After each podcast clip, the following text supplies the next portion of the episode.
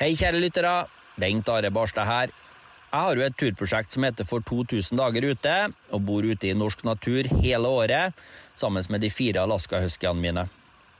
I vår i sommer så har jeg og hundene valgt å bo i et telt fra Barents Outdoor som heter for Trollheimen 3 Ultralight. Jeg var veldig spent på hvordan det her ultralight-teltet kom til å fungere i forhold til mitt bruk, eh, men trass i at teltet har eh, lav vekt og lite pakkvolum, så er det god plass i det, og det er god takhøyde. Ytterluken på teltet går helt ned til bakken. Det gir god liv mot vær og vind. Samtidig så er teltet luftig og har veldig god ventilasjon.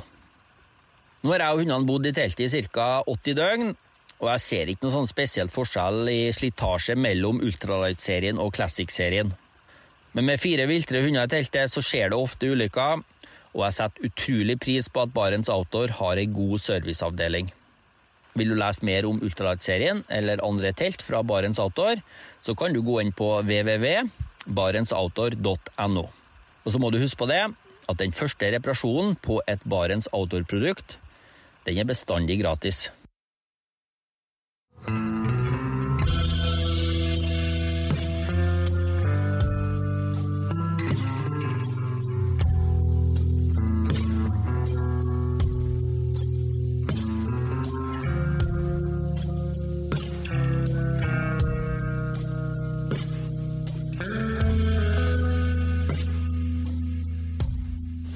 Sånn, da kan vi egentlig bare rusle mens vi Så jeg sier hei og velkommen til podkasten Uteliv.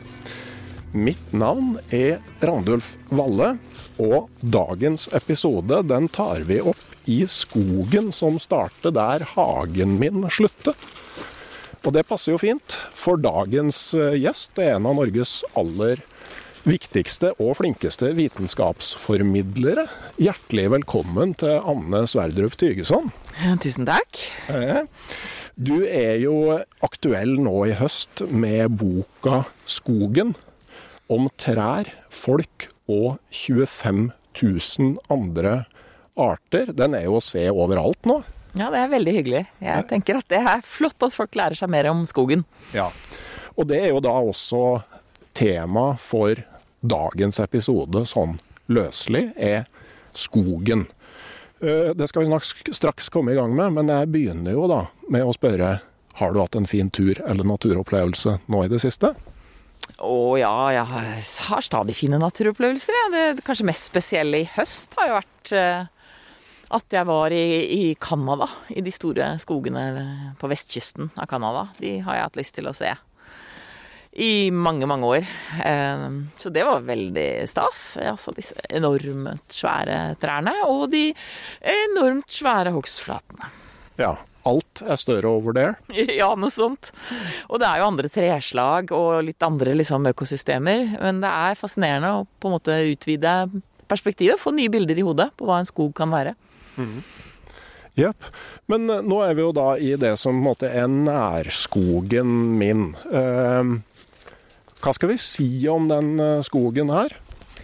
Altså, dette er vel et areal som er eh, et gjengroingsareal, tenker jeg. Det har helt sikkert vært åpnere før. Og nå kommer det inn med ja, litt selje og litt oretrær og litt forskjellig. Eh, Stort sett lauvtrær. Og så kommer grana på å si, tytende opp under. Sånn at om du lar det gå ja, 100 år til her, så er det nok grana som i større grad har tatt over. Så blir det tettere og mørkere. En mer renere granskog på sikt, vil jeg gjette. Men uh, nå er det jo uh, midt i november. Uh, litt lett snø på bakken. Tæle. Og det er veldig stille her. Altså i, i mai-juni så er det et øredøvende liv, og man ser liv overalt. Altså, hva er det som har skjedd her, og hvor er livet i skogen hen nå? Nei, nå er det jo pause, da. Nå ligger alle insektene og venter på våren, gjerne i form av å være egg eller larver, og noen har forpuppet seg, de som skal være tidlig ute. Og noen få overvintrer jo også som voksne, så Og planteveksten eh, er jo stilt i bero, eh, venter på, på våren, den også. Mange fugler har jo tatt til vettet og flydd til sør, som det heter i sangen. Men um, Nei, det er jo fascinerende at liksom hele naturen tar en pause. Ja. Dine beste venner, da, insektene, hvor har de gjort seg? Altså? Nei, det er nedi jorda, inni det som måtte være av døde trær her, i barksprekker. Um, noen finner jo frostfrie steder hvor de kan vente på våren. Um, andre insekter tåler faktisk ganske mange kuldegrader uten å fryse. Fordi de produserer sin egen frostvæske i kroppen. Um, sånn at de rett og slett kan liksom superfryse uten at det blir is i cellene. For det er ganske ødeleggende. Da punkterer gjerne iskrystallene uh, celleveggene. Så det er uh, uheldig. Så de har forskjellige teknikker, uh, disse søte små, til å overleve vinteren. Mm. Men jeg aner jo at liksom på den gamle karakterskalaen fra, fra ungdomsskolen, altså hvor vil du på en måte plassere skogkvaliteten i, i min nærmeste nærskog? Altså, dette er jo som sagt et, et, en skog, et gjengroingsareal. Da, sånn at det er jo en, en suksesjon, som det heter så fint. Det er et åpent areal som er i ferd med å bli en skog. Og sånn sett så er det jo ikke så overraskende at du f.eks. ikke finner veldig gamle trær her, for det ser vi jo ikke snurten av. Mm. Um, og det er klart, hvis du tenker um, Altså, hvis du tenker en naturskog, så fins jo den også i alle aldre. Um, det er jo ikke bare høngammel skog. I, I urskogslandskapet ville det jo også skjedd forstyrrelser som ristartet skogen, på en måte. Altså det kunne være en stor skogbrann eller en stormfelling. Og da vil du jo også få skog som er i en gjengroingsfase. Men da ville du jo hatt Normalt ville det da stått igjen trær fra det gamle bestandet, som var gamle. ikke sant? Altså Hvis det var en furuskog, som gjerne var den skogen som ble, der var det brant eh, med noen hundre års mellomrom, så ville de eldste furuene overlevd brannen. Og de ville stått igjen etterpå. Og så ville du hatt masse trær som eh, døde som et resultat av eh, den brannen også. Men ikke alle på en gang. Eh, noen ville kanskje bare være svekket, så du ville få en liksom kontinuerlig input av, av død ved. Så hvis dette her hadde vært på en måte en, en naturskog som var i en gjengroingsfase, så ville du hatt enormt mye mer døde trær her. Og du ville sannsynligvis også hatt noen sånne såkalte overstandere, altså noen trær som står over disse halvstore trærne vi står under. Eh, som var fra den forrige tregenerasjonen. da. Mm. Og det ville vært på en måte de synlige forskjellene. Men, men hva Altså, da har vi på en måte vært gjennom eh, altså, om eh, trærne og om oss, men de 25 000 andre, hva ville forskjellene vært der? Der ville det jo vært helt andre arter langt på vei. fordi det er Altså, iallfall om du sammenligner med en moderne drevet produksjonsskog, altså et areal der vi dyrker trevirke. Um, og sammenligner det med en, en, urskog, en skog som drives av naturens egne prinsipper, så er det jo helt klart at veldig mange av de artene som hører til i norsk skog, de finner ikke levesteder i en produksjonsskog, en tømmerproduksjonsskog. Det er rett og slett ikke noe Altså, du kan tenke deg at både et Altså, i en naturlig skog så får jo trærne leve ut sitt liv. Eh, og det kan være langt. Altså en gran kan bli 500 år. Eh, og en furu kan bli enda mange flere hundre år. Og så, eh, når de blir eldre, så oppstår det forskjellige liksom små, rare steder på treet. Det kan være dype sprekker i barken, det kan være døde grener, det kan være hulrom i treet. og du kan tenke deg at det er som små leiligheter som det gamle treet blir på en måte en gedigen Obos-blokk med masse spesialleiligheter, hvor eh, arter med litt sære krav til hvor de vil bo, kan flytte inn. Eh, og så, når treet dør, så skjer jo det samme. Eh, da fortsetter det å utvikles nye leiligheter i det treet, eh, som enda andre arter trenger. Og i naturskogen så får jo treet ikke bare leve ut sitt liv, men også leve ut sin død. Og et tre kan være i skogen i 1000 år. Ehm, mens i en produksjonsskog så flatehogger vi jo normalt hvert 80. år. Og det betyr at trærne blir ikke mer enn 80 år gamle. Eh, hvis vi snakker en granskog. Og da har de rett og slett ikke utviklet disse, alle disse rare leilighetene. Da er det veldig få levesteder eh, på treet mens det lever, som disse særere artene kan bo i. Mm. Og, og de vil vel òg være på en måte avhengig av å flytte fra tre til tre på riktig stadium i sitt liv. Og når du flatehogger, så får du veldig sånn uniform alder på alle trærne i den skogen. Ja, det blir veldig ensartet. Det er jo noe av utfordringen. Altså du har både, du har både mindre levesteder, altså færre levesteder, da, for å si det sånn, og du har mindre variasjon i levesteder for eh, artene. Og så er det jo noe med at dette skjer på en landskapsskala, fordi mange av disse prosessene henger jo sammen over en eh, større skoglandskap. Og det er klart, hvis man ikke noe sted i landskapet har rester av sånn naturskog, eh, hvor disse mer kravstore artene kan leve, ja nei, da forsvinner de fra skoglandskapet, da. Mm. Men eh, så kan man jo spørre, ja ja. Men når vi ikke har sånn skog lenger, er det også så farlig da, om de artene blir borte? Retorisk spørsmål. Ja, altså da kan man jo svare på, på mange måter. Man kan selvsagt svare med at uh, altså, vi har en forpliktelse til å sikre artsmangfoldet i dette landet. Vi har både en politisk internasjonal forpliktelse til det, og vi har et moralsk ansvar, vil jeg mene, for å breie oss litt mindre, sånn at også andre arter får plass.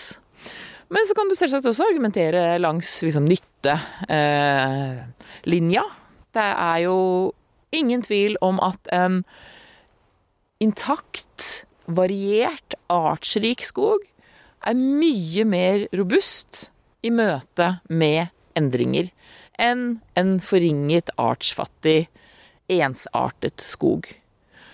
Og vi vet jo at det kommer endringer. Vi vet at uh, altså de menneskeskapte klimaendringene slår jo til og vil eh, gjøre at det blir varmere, våtere, villere. Og da er det jo veldig lurt om vi har tatt vare på disse mer robuste økosystemene, hvor det vil være flere arter å spille på. Da er det større sjanse for at det vil være noen arter som er flinke til å gjøre jobben når det blir varmere, og noen som er flinke til å gjøre det når det blir villere og våtere. Um, sånn at man rett og slett demper noe av ehm, de negative effektene da, av det som vil komme. Mm.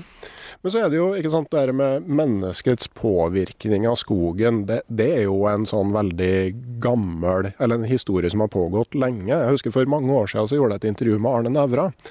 Og han påpekte at altså, han har alltid sett på mennesket som en sånn randsoneart.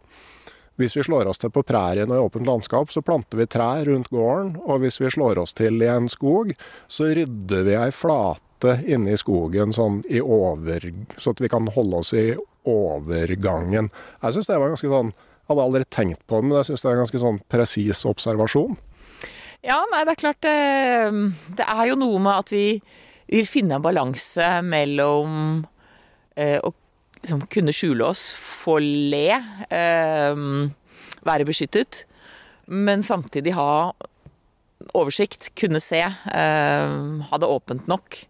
Altså fra menneskene startet uh, å tasle inn i ja, Europas store skoger, da, så har vi jo hogd oss en lysning, ikke sant, uh, for å føle oss trygge. For å, å, kunne dyrke, og for å kunne se om rovdyr kom luskende. Mm. Kanskje sette opp et gjerde også. Ja, og jeg er midt inne i Thomas Seltzer sin bok om Amerika nå. Men en ting han påpekte som jeg ikke har tenkt på, er etternavnet Sveen, som kommer av å svi. Mm. Som altså er en gård som er rydda med sviebruk, hvor man sådde rug i aska. Det, hadde, var jeg ikke klar over. Nei, ikke at gårdsnavnet kom av det. Det har vel ikke jeg heller for så vidt reflektert over. Men det er klart, vi, vi veit jo at svibruk var, var en eh, årsak til at det før, altså sånn type på 1600-1700-tallet, brant øh, oftere i skogen. Øh, men mange små branner. Mm. Iallfall i sånn som Sør-Norge, i Trillemarka i Sigdal kommune, det store verneområdet der, hvor dette er undersøkt, så ser man jo at eh, det er et resultat av svibruk. Ofte altså mange finner kom jo inn, ikke sant, med svibruktradisjoner. Eh, og da var det mange og hyppige branner. Eh, mens det fra naturens side Det hører jo også skogbrann til, men da kunne brannene Altså, da var de mye mer uregelmessige. Da kunne de være kjempestore eller bitte små. Og det var jo med på å skape variasjon på landskapsskala igjen, for å dra det tilbake dit. Ja, for i dag så er jo sånn de artene som vokser opp på skogbrannarealer, er jo noen av dem som kanskje ikke finner så mange leveområder, da? Nei, det fins arter som er spesialtilpasset eh, brann. Um, Sånn som bråtestorkenebb er et eksempel på en plante som er i slekt med den vanlige skogstorkenebben vår. Men der frøene faktisk trenger oppvarming til iallfall 60 grader for at de skal kunne spire. Og det skjer jo gjerne hvis det, hvis det frøet ligger litt nede i jorda og det brenner på overflaten. Mm. Um, men dessuten så skapte jo da skogbrannene uh, veldig mye Veldig mange døde trær, som sagt, og svekkede trær. Og um, en del spesialstrukturer. Eh, strukturer. F.eks. disse fantastisk vakre Kelo-furuene, som jeg er veldig begeistret for. Altså Hvis du har gått i en gammel furuskog, så har du sett disse sølvgrå mm. eh, furuene, som gjerne snor seg i spiral mot himmelen. Eh, og dannelsen av sånne furuer, det, så vidt vi vet, betinger at trærne mens de levde, har blitt forstyrret, eh, liksom utsatt for prøvelser, for å si det sånn. Eh, what doesn't kill you makes you stronger. Um, fordi hvis det da går en skogbrann gjennom som uh, utfordrer treet en smule, så pøser det på med harpiks og kvae. Um, og det gjør at disse furuene, før de dør, så er de egentlig selvbalsamert. Mm. Altså de er som en mumie som er eh, gjennomtrukket av eh, harpiks, eller tyri, da, som vi jo kaller det.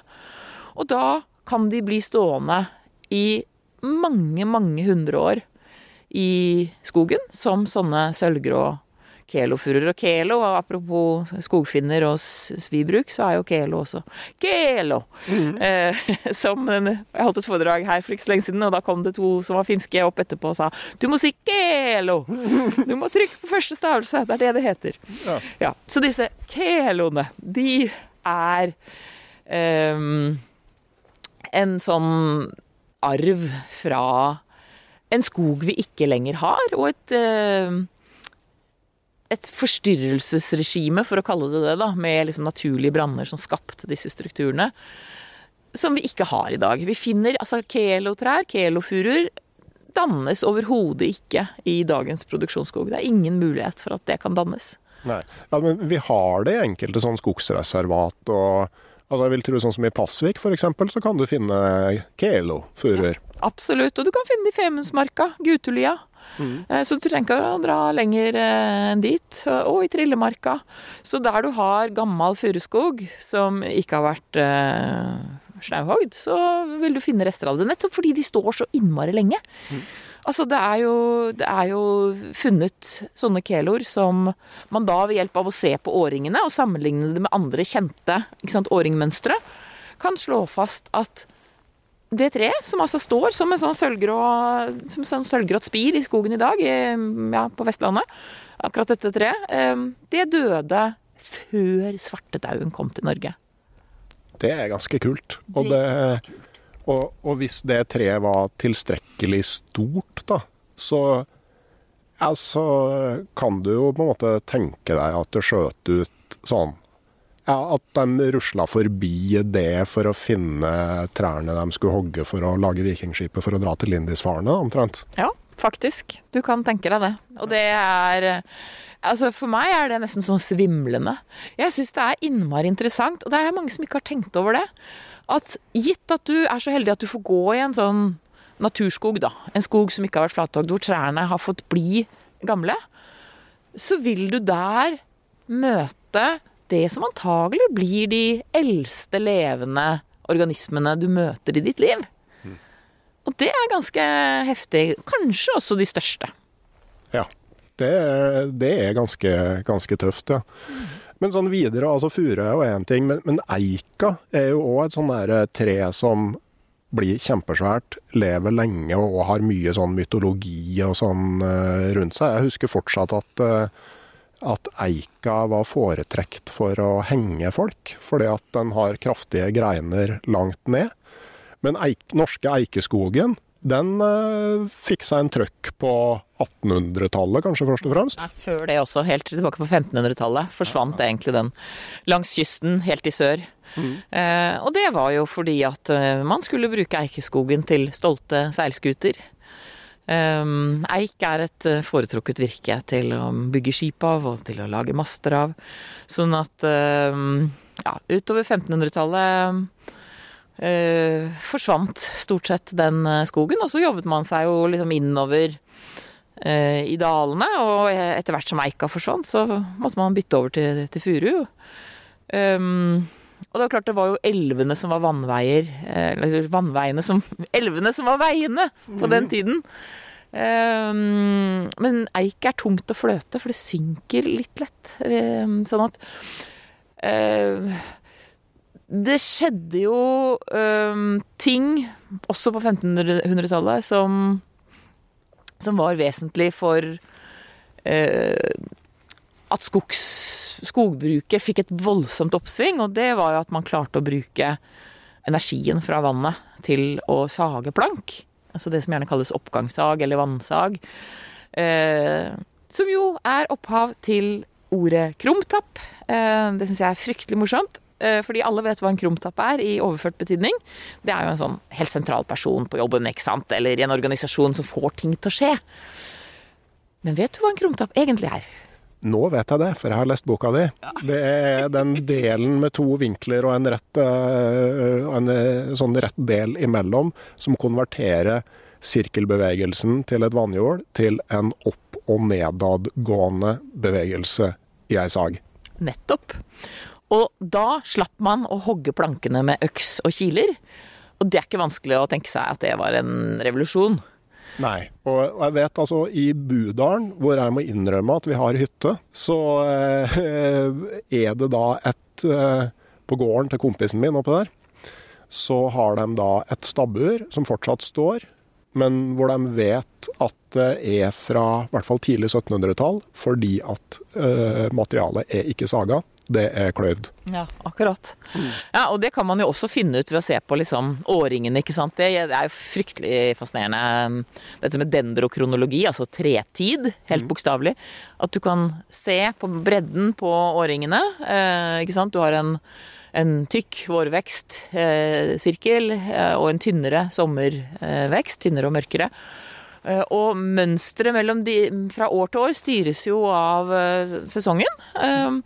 Og det er dermed noenlunde likt innenfor et område. Sånn at man har jo gjennom å bygge sammen sånne serier fra mange trær, eh, lagd en oversikt, da, sånn at du kan ta ut en åringprøve fra det stabburet til hvem det var, kompisen din eller hva det var, og, og finne ut nøyaktig når de trærne spirte, og når de døde. Eller ganske nøyaktig, da. Med rimelig stor liksom, presisjon. Det kan mangle noe hvis, hvis treet liksom, altså det kan mangle noe litt ytterst, liksom, eller um, mm. Hvis det er hult, så mangler det selvsagt noe innerst. Men med stor presisjon så kan du slå fast når det treet levde, og det er ganske morsomt. Ja, Og vesentlig rimeligere enn å begynne med C14? Ja, det vil jeg tro, men du må jo ha noen som kan gjøre det, da. Mm. Men, men, der òg så, så, ser du jo ikke sant, et, da ei løe på flere hundre år som så vidt jeg, vidt jeg vet, den er ikke engang tjærebredd. Men uh, naturlig beskyttelsen til furua og uh, tørt uh, innlandsklima, så, så, står det der lenge. Det er keloen, det vet du. Kelo. Ja, ellers så en kompis av meg som var fra England og var sammen med ei finsk dame. Han syntes finsk var veldig enkelt, for det var bare å lese det rett fram sånn som det sto. I motsetning til engelsk, da. Ja, ok, ja, det kan godt hende. Det veit jeg ikke så mye om. Nei, veldig språkmektig fyr som lærte seg nederlandsk på et år, så folk trodde han kom derifra. Så det, det kan, være en, eh, kom, kan, være en, del av, eh, av greia. Men, men, flatehogsten, altså når kom den? For, eller bare for å trekke en parallell der, ikke sant. For at man var vel litt sånn forsiktig med å hogge bort alle trær, for man hadde sett f.eks. på Røros at når man hogg ned all skogen for å bruke den i gruvene, så kom den ikke tilbake. Nei, for der var det jo liksom ja, tøffe forhold, sånn at det var rett og slett eh, vrient å få ny skog til å spire. Um, så det man drev med fram til 1900, sånn veldig cirka, det var jo varianter av enkelttrehogst. Altså gjerne det man kaller dimensjonshogst, at man tok de største trærne. Og når man hadde hogd de, så tok man de nest største. Uh, og så, og så, Det er jo egentlig den måten vi har hogd på fra vi startet. altså At man har plukket ut de trærne man trengte. Og det er klart det var mye mer volum, mye mer kubikk, i de store trærne. Så det var hensiktsmessig å prioritere de. Um, men utover 1800-tallet ble det jo hogd veldig, veldig hardt i norske skoger. Eh, og da ble det stående igjen en skog hvor de store trærne var fjerna. Og det som var igjen da, det var en liksom glissen skog med trærne med dårligst kvalitet som sto igjen. Eh, og da var det ganske vanskelig å få ny skog til å, å spire opp. Fordi det var liksom, kom ikke nok lys og næring til de, de nye spirene som måtte være imellom. Eh, så da var jo forstfolket bekymret, altså de som drev med skogbruk. Ehm, det er jo en klassisk artikkel som heter 'Norges skoger eh, mot undergangen', som ble skrevet i 1916. Eh, med stormskritt mot undergangen, faktisk. Intet mindre. Mm. Og det var jo fordi at man så at man hadde behov for mer kubikkmasse enn det ble produsert i denne skogen. Og da tenkte man eh, da må vi gjøre det på en annen måte, og da var flatoksen den andre måten. Og så kom det jo et par verdenskriger imellom, sånn at det er først for alvor fra ja, etter andre verdenskrig at uh, flatehogst for alvor ble tatt i bruk. Og da handler det jo om at du hogger alle trærne innenfor et område, et bestand. Uh, og så planter du nye smågraner, og så får de stå i 80 år, og så flatehogger du igjen. Mm. Og er det furuskog, så er det litt annerledes. Da setter du gjerne igjen noen store furuer som får frø seg naturlig, og så kommer furu, småfuruer opp under, og så kan du gjerne fjerne de store frøtrærne. Så det, i praksis er jo det også en, et stort åpent areal. Mm. Men, men, da oppnår du ikke sant, altså Det er en måte å sørge for at Eh, skogen altså, og arealet produserer på en måte mest mulig kubikk tømmer per år, da?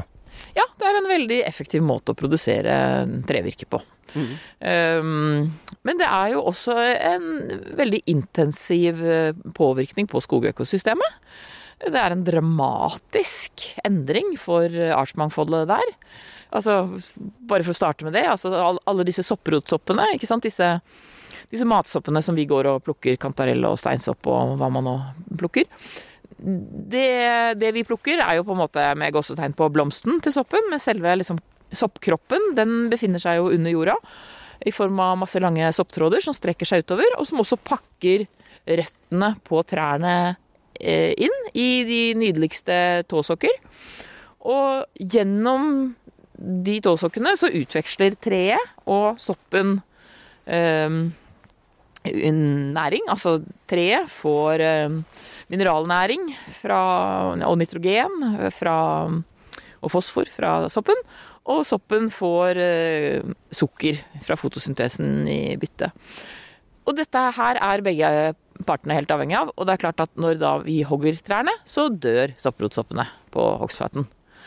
Um, og så kommer de Etablerer de seg jo i takt med den nye skogen som vokser fram. Men um, ut fra det vi vet per i dag, så uh, ser det jo ikke ut som at det samme samfunnet kommer tilbake. Og iallfall ikke før det har gått 80 år og skogen skal hogges på ny.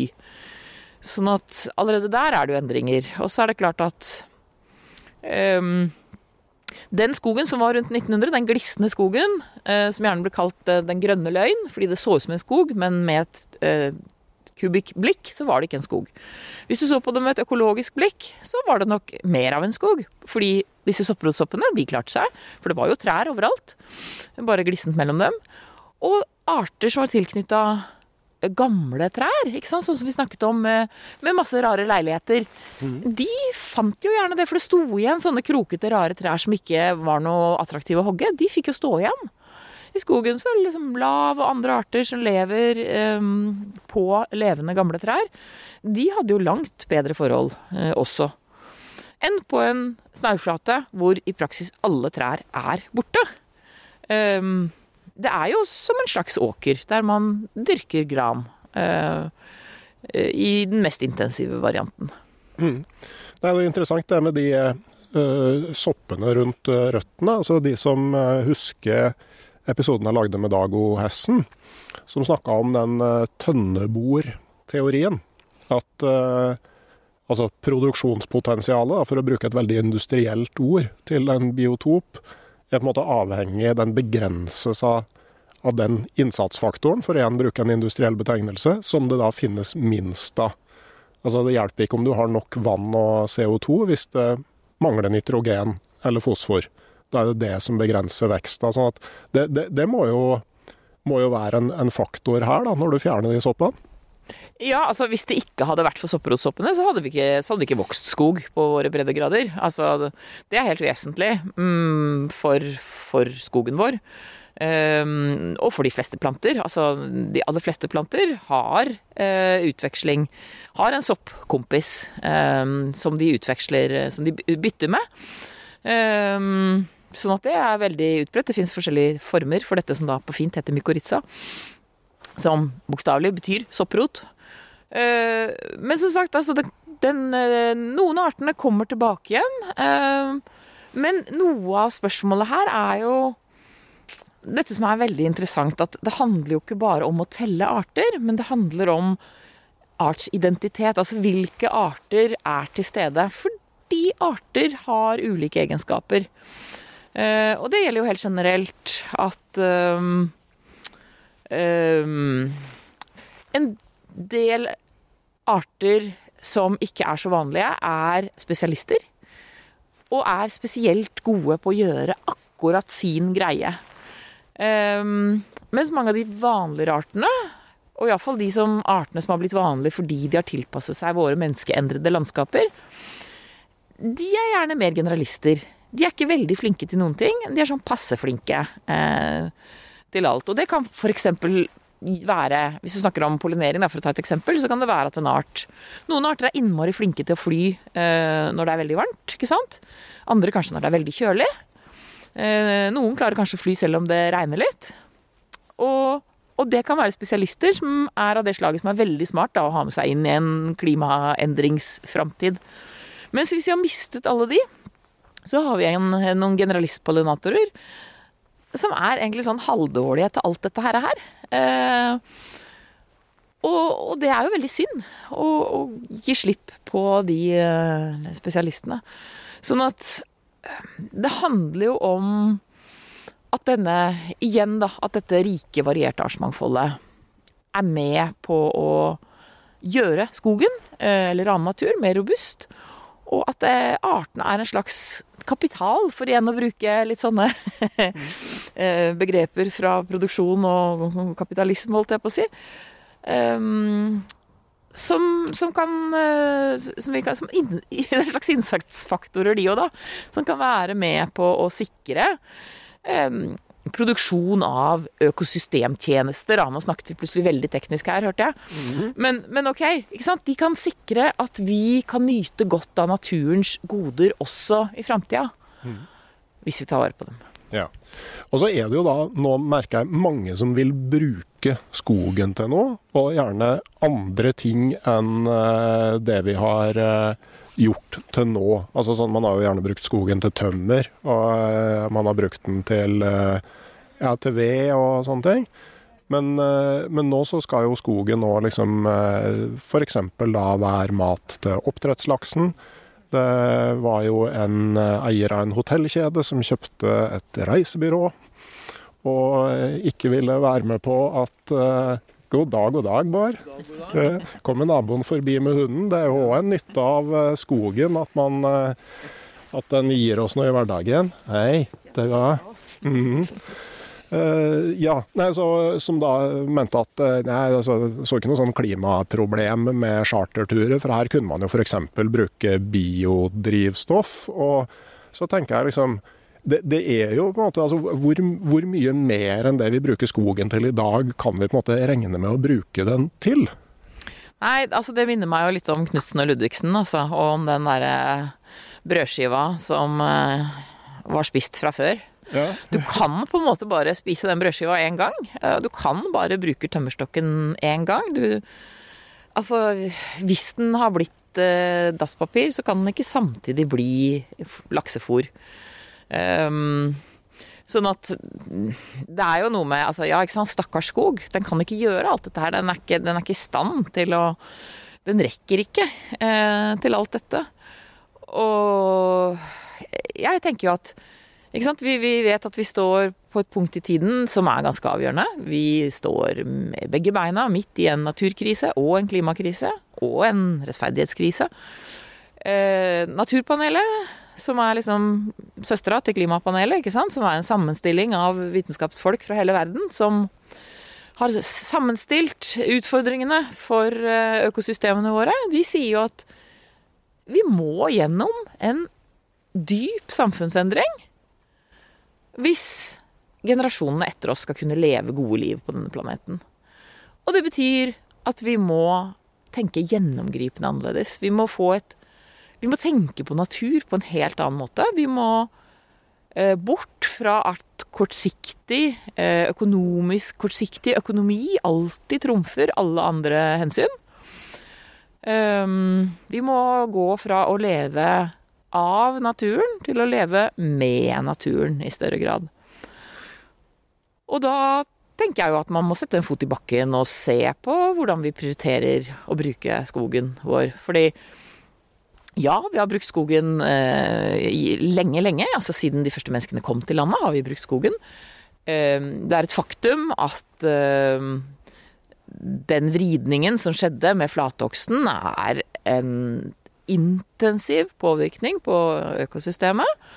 Vi har igjen ca. 30% eller snaut 30 av det som heter den produktive skogen, altså der det vokser nok til at man i det hele tatt kan vurdere å drive skogbruk. Altså da har du sett bort ifra liksom, myrskogen og fjellbjørkeskogen. Så liksom av, uh, av den skogen så er, er det altså igjen uh, snaut 30% som ennå ikke har vært flathogd. Og den skogen tenker jeg er avgjørende at vi nå må få kartlagt brennkvikt. For vi mister denne skogen. Det forsvinner over en prosent hvert år. Og det betyr at hvis vi fortsetter som nå, så vil det ikke være noe skog som ser ut sånn som skog skal se ut fra naturens side, eh, om bare 20-30 år. Da er alt omgjort til liksom produksjonsarealer for tømmer og trevirke. Og derfor er det så sentralt at vi får kartlagt den skogen som ennå ikke har vært flathogd. Og noe av den er hardere påvirket enn andre deler, sånn at vi må finne de beste delene, sett fra et biologs, eh, eller biologibriller. Og så må den vernes. Um, og så tenker jeg at eh, kanskje må vi også tenke nytt om skog som ligger nært der folk bor.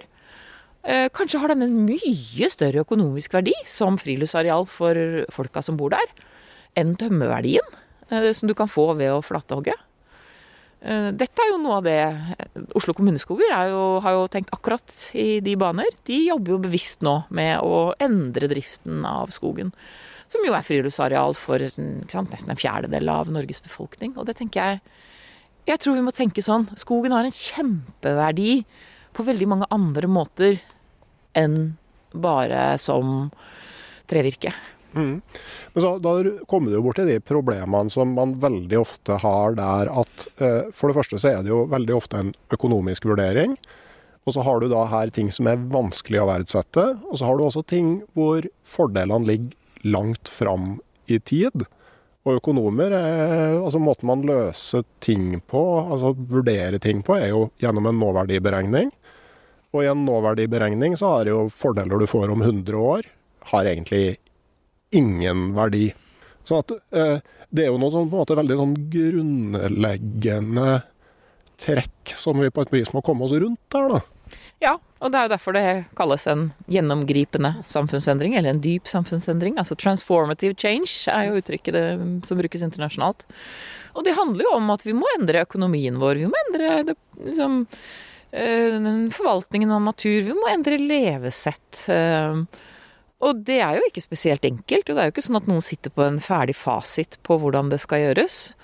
Men nettopp fordi det er så vesentlig, så tenker jeg at det er viktig at mange, mange flere blir med og diskuterer hvordan det skal skje. Mange, mange flere må vite noe om skog. Det er jo derfor jeg har skrevet denne boka. Fordi jeg vil at mange flere skal ha kunnskap om Eh, altså at norsk skog i dag er i ferd med å bli endret eh, fra en, et intakt, artsrikt, eh, velfungerende økosystem til et eh, ensartet og forringet produksjonsareal for eh, trevirke. Eh, og så har vi altså denne 30 igjen, som det er avgjørende hva vi gjør med.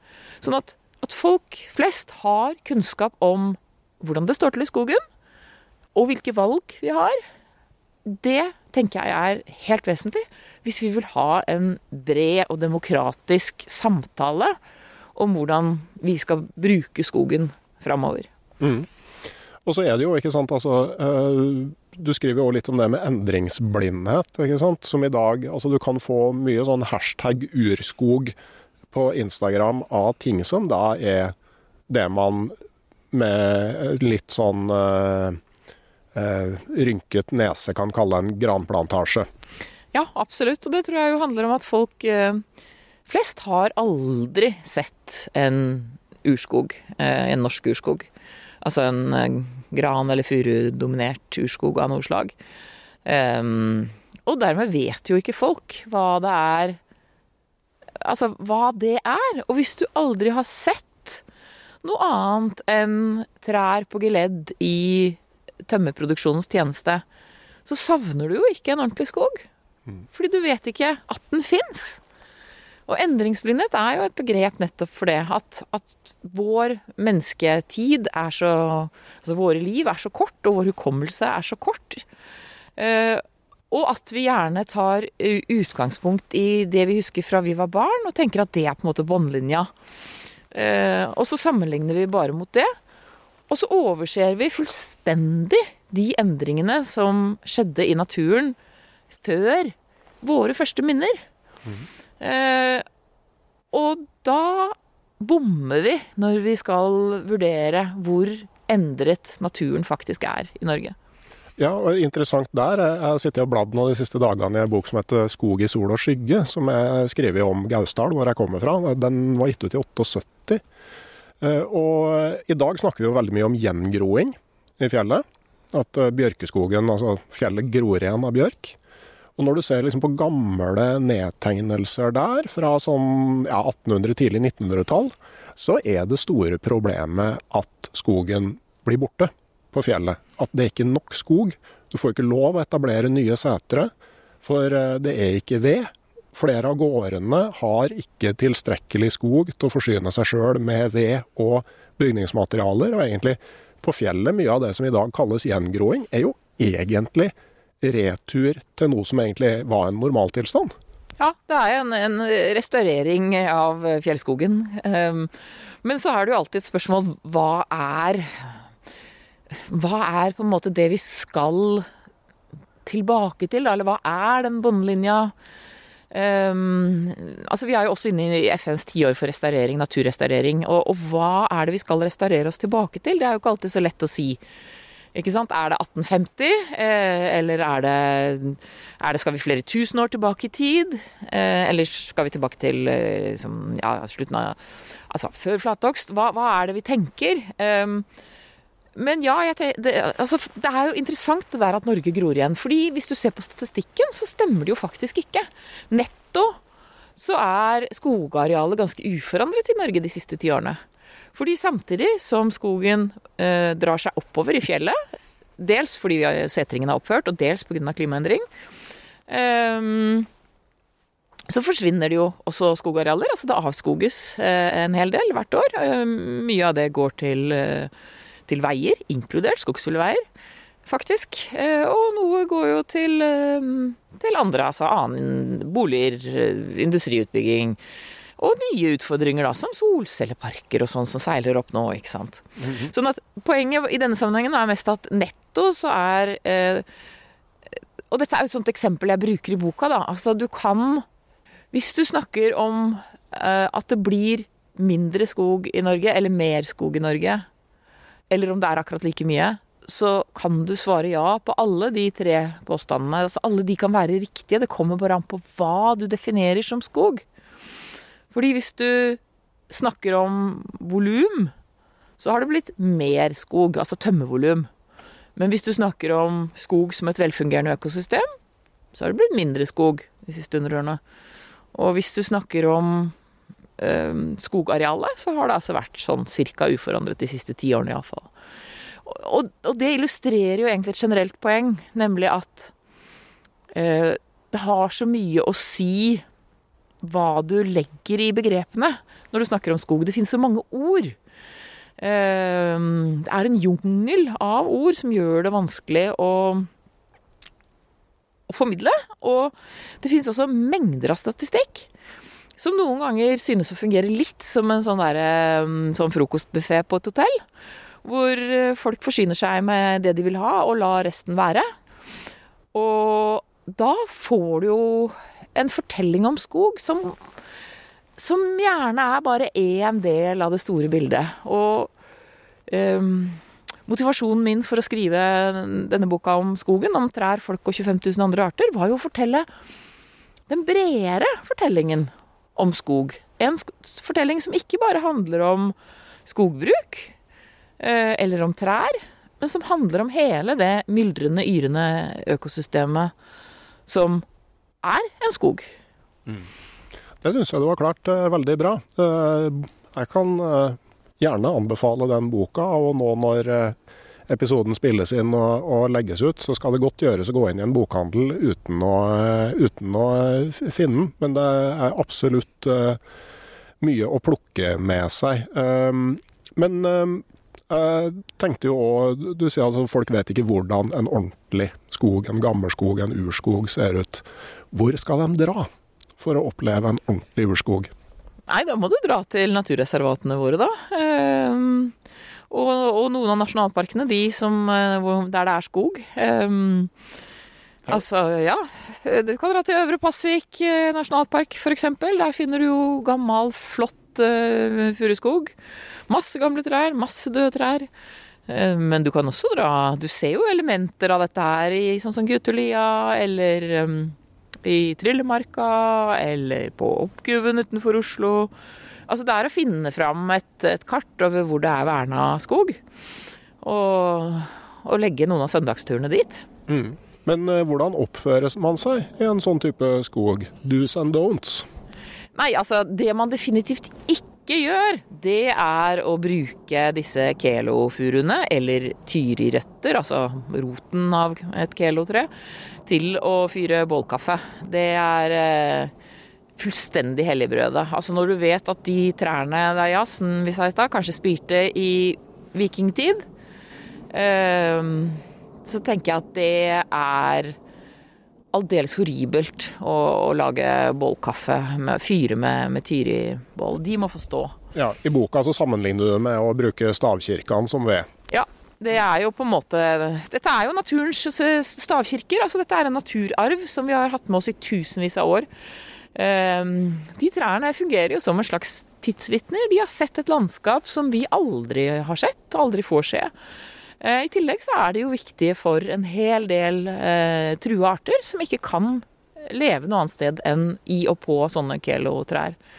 Så det er iallfall Altså, jeg tenker jo Um, hvis man skal fyre bål, så altså, har du mulighet, ta med deg noen pinner i, i sekken. Det er jo en variant.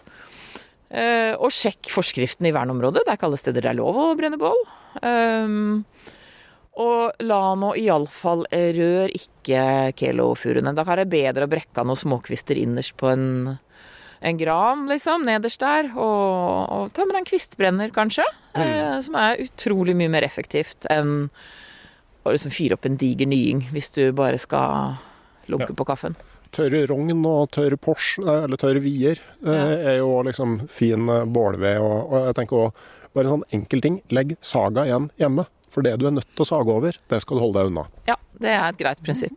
Ja. Det er jo noe med at de områdene er vernet øh, for at de skal få gå sin gang sånn som naturen ordner det. Og så, så får vi prøve å lage minst mulig spor når vi vandrer der. Mm.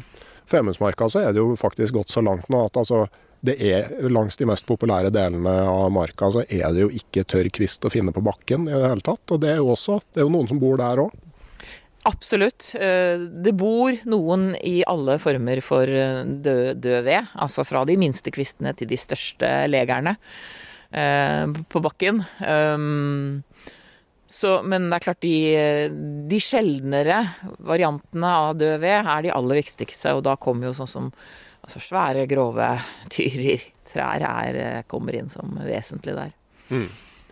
Ferdig aktsomt, og når vi trekker parallellen til stavkirka, enten man er religiøs eller ei, så kan man jo sette seg under ei sånn kjempefuru og reflektere litt på ja, tiden, havet, døden og kjærligheten, kanskje? Ja, noe sånt. Jeg syns jo at det å være i en sånn skog som hvor fingermerkene etter oss mennesker er få og små, øh, er noe helt spesielt. Altså, jeg syns det er fantastisk å kjenne på at man er en del av noe som er mye større enn en selv. Um, at uh, tiden går, og naturen klarer seg.